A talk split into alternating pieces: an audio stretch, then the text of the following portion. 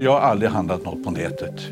Det tillhör den generationen möjligtvis. Nej, e-handel är inte längre en generationsfråga. Förra året ökade handeln med smått osannolika 40 procent och även 75-plussare har nu erövrat nätet. Det bästa är att man behöver inte gå in i affären och gå ihop med människor som man kanske tror att de är smittade. På en kvart berättar vi om hur pandemin katapultat vårt köpbeteende flera år in i framtiden och hur det redan är på väg att förändra våra stadskärnor.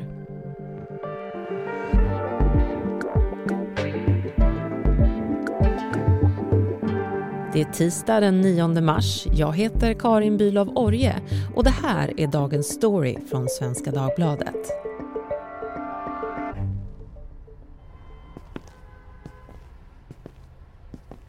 Tänk dig, du går längs med Drottninggatan i centrala Stockholm.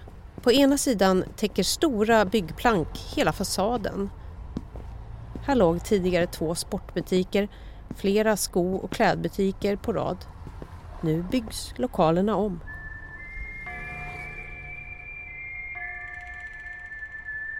Sara Brännström är reporter på SvD Näringsliv och skriver mycket just om den digitaliserade detaljhandeln. På andra sidan sitter stora skyltar om utförsäljning i väskbutikens skyltfönster. Förr var det här ett shoppingstråk fullt av folk, liv och rörelse. Nu är det rätt öde och tyst.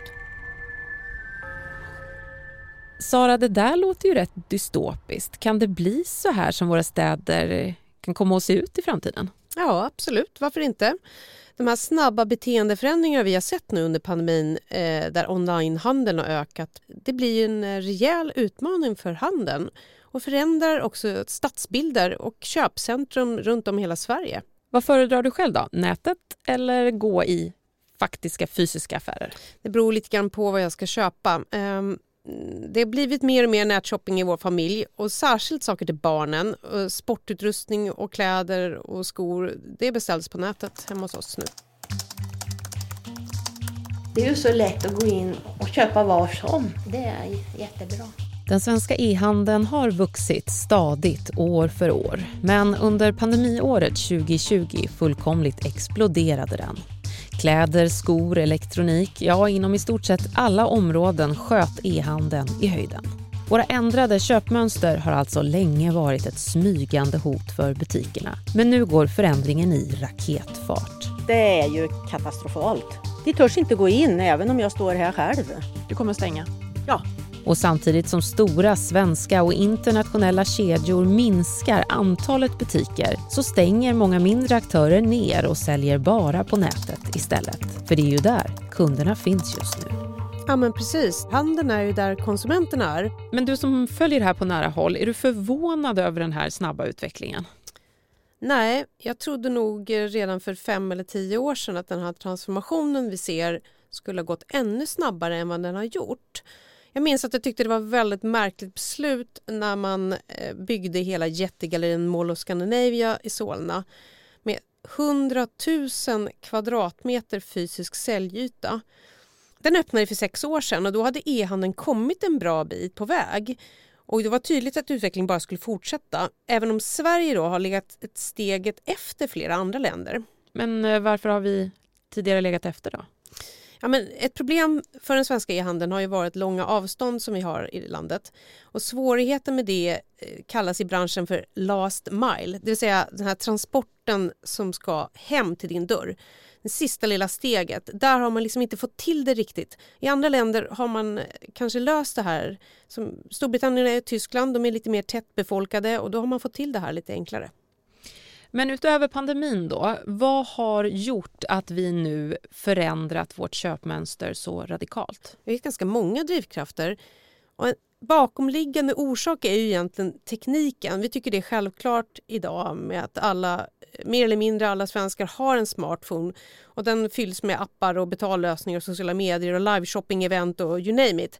Det är massor med så samverkande faktorer som har drivit den här utvecklingen framåt. Men hur illa är det då? Jag vet att du har kartlagt hur butiker runt om i landet klappar igen. Ja, det är en hel del fysiska butiker som försvinner. Eh, hela kedjor faktiskt om man ser bakåt. Eh, butiker som Dea, Axelsson, Joy, Flash, JC, alla de där är borta. Leksakskedjan Toys R Us, BR. Alltså det finns jättemånga som liksom har funnits alltid i våra svenska köpcentrum som inte längre finns där. Och de som finns där, Lindex, Kappahl och H&M, Din Sko, whatever, alla de här ser ju över sitt butiksnät och stänger butiker som inte är lönsamma. Även Åhléns varuhus lägger ner. Och jag tror eh, i en liten stad där det här har varit liksom motorn för Storgatan eller Drottninggatan där, där blir det liksom hålrum. Men vilka är de största misstagen som handeln har gjort här då? Tycker du? Jag menar, även om de inte kunde förutspå pandemin så borde de väl ha anpassat sig till nätet snabbare? Jag menar, det här hotet, om man får säga så, från e-handeln har ju funnits ett bra tag nu, som du poängterar. Ja, jag tror i vissa fall kanske det inte bara handlat om att man inte lyckats anpassa sig till en växande e-handel utan det finns annat som också brister. Man kanske inte har lyckats vara tillräckligt relevant för kunden intressant som varumärke. Man kanske inte har jobbat med sortimentet. Det finns ju liksom massor med saker som också spelar in. Men lite historiskt då. Eh, för tidigare har det ju handlat om citykärnan versus handelsplatsen som ofta byggs utanför städer. Eh, hur ser maktkampen ut nu om du skulle beskriva den? Den kampen fortgår ju. Bara butiker som är lönsamma kommer att överleva. Och krast handlar det här om att kostnader som hyror och löner måste vägas upp av en viss försäljning. Och finns inte den här försäljningen då måste butiken läggas ner. Så det, det som pågår nu det är ju en maktkamp mellan butikskedjor och fastighetsägare som äger köpcentrum och handelsplatser. Och det här finns en kamp om hyresnivåer och en del hyresgäster pratar om att de vill ha omsättningsbaserad hyra för att de ska kunna ha en butik på ett visst ställe. Då kan de inte betala hur mycket som helst på senare tid har också andelen outhyrda lokaler gått upp. Fastighetsbolagen de måste så hela tiden fundera nu på vad de ska fylla sina lokaler med när butikerna försvinner. Och redan före pandemin så fylldes ju köpcentrum i högre grad av restauranger och kaféer och gym och service och tandläkare och allt möjligt annat som människor behöver gå till. Då ser man liksom att Finns det en vårdcentral i köpcentrumet, ja men då kommer ju folk dit och då kanske de också köper blommor och tar en kaffe.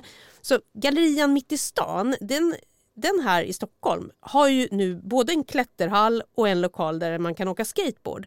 Eh, sen om det är lösning på lång sikt, det får vi framtiden utvisa. I korthet så kommer reglerna ställa krav på åtgärder för minskad trängsel och om dessa inte följs kan länsstyrelserna besluta om förelägganden och i ytterst till och med stängning. Oron för en tredje våg gör att regeringen med stöd i pandemilagen vill kunna stänga ner handelsplatser, köpcenter, varuhus, gallerior och butiker med kort varsel. En sån lockdown skulle gynna e-handeln ytterligare. För att försöka lindra effekterna av en sån lockdown pumpar regeringen nu in pengar. Vi behöver insatser som lyfter kostnader för personal och för hyror.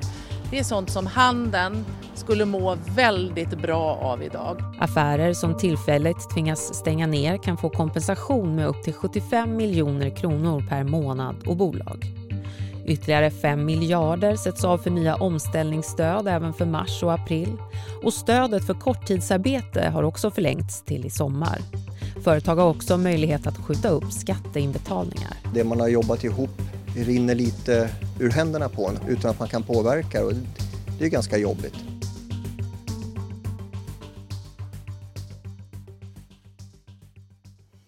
Man inser ju att det är skittufft för handeln nu under pandemin men, men samtidigt så har de ju fått hjälp bland annat av korttidspermitteringar och coronastöd.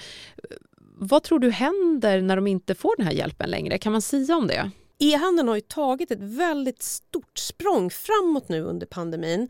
Dels har fler åldersgrupper än tidigare börjat e-handla och totalt sen växte e-handeln med 40 procent under 2020. Det visade Postnords e-barometer en del konsulter räknar nu också med att man har liksom fått en tillväxt som motsvarar ett kliv på tre år fram i tiden.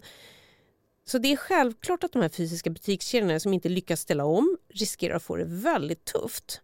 Och har de här dessutom överlevt tack vare stöd som är baserat på tidigare eh, omsättningar och så och de här stöden försvinner över en natt och utan att kunderna inte kommer tillbaka, då riskerar vi att se fler butiksnedläggningar och till och med kanske konkurser på sikt. Men menar du att butiksdöden kan komma att accelerera ytterligare? Ja, eh, tillväxten i e-handeln talar för det. En del handlar ju också om i vilken mån kunderna kommer att komma tillbaka. Och kunder som har börjat e-handla och tycker det är smidigt fortsätter säkert att e-handla. Och en viss del kommer väl att gå i fysiska butiker. En annan del är ju också vad som händer med kostnaderna för att driva butik.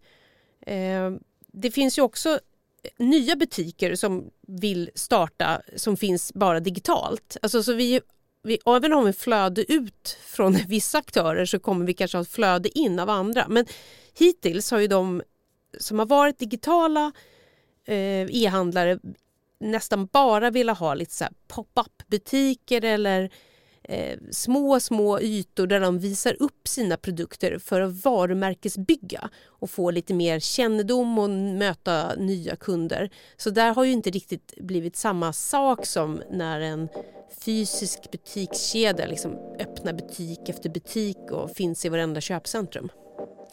Men alltså när jag lyssnar på dig nu Sara, när du berättar, då låter det som att man kommer kunna åka in till stan och så kommer man mötas av en hel del eh, ombyggnationer, nedstängda gamla butikslokaler, kanske lite showrooms, sådana här pop-up stores. Men vad mer kommer att finnas där? Kommer det vara liksom ett stort fokus på kulturutbud eller hur kommer det vara? Säkert så kommer människor vilja eh, liksom mötas och äta och dricka kaffe och så som man gör idag. Men just alla de här vardagliga butikerna med de här vardagliga produkterna som vi lika lätt kan handla på nätet. De kanske inte kommer att vara lika vanliga. Men specialistbutiker eller några små udda butiker eller second hand, jag vet inte. Sånt som... Men det måste bära sig. Det är ju det är så här att det, det kommer inte kunna finnas någonting som inte är lönsamt. Eh, och då handlar det ju om vilken hyresnivå och alla de här andra faktorerna som styr. Mm. Men vad kommer att hända då när pandemin är över? Kommer vi få en, en eh, bounce back till att vi vill handla fysiskt igen eller kommer vi fortsätta att hålla oss digitala? Kommer den här trenden hålla i sig? En hel del människor förespår ju att slutet på den här pandemin kommer leda till en jättefest utan dess like. Vi längtar efter att ses och festa och umgås och köpa nya kläder och gå på party och så. Och kanske att man också vill tränga sig i köpcentrum för att handla men ja, det vet vi inte.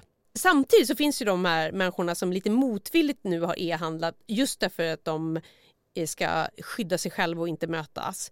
Eh, pensionärer som har handlat mat under pandemin och de är jättesugna att komma tillbaka till matbutiken och klämma och känna på tomaterna de köper med sig hem. Det har ju också öppnat sig en spännande möjlighet nu till distansarbete. Där människor kan bo någon annanstans än precis där jobbet eh, finns Eh, vi har ju på Svenska Dagbladet Näringsliv skrivit en del artiklar om det här att det pågår en nettutflyttning från Stockholms län. Det blir färre stockholmare och det är en trend som vi kanske kommer att få se även över tid. Och vill man veta mer om det så kan man läsa på svd.se. Just det. Tack så mycket Sara Brännström för att eh, du kom hit och var med och berättade om urholkningen av citykärnan och e-handeln. Tack!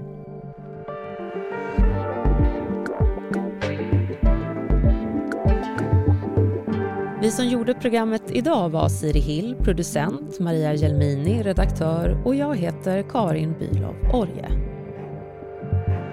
Dagens Story ger dig djup och perspektiv på de största nyhetshändelserna just nu. En kvart varje vardag. Du hör oss på Spotify och där poddar finns.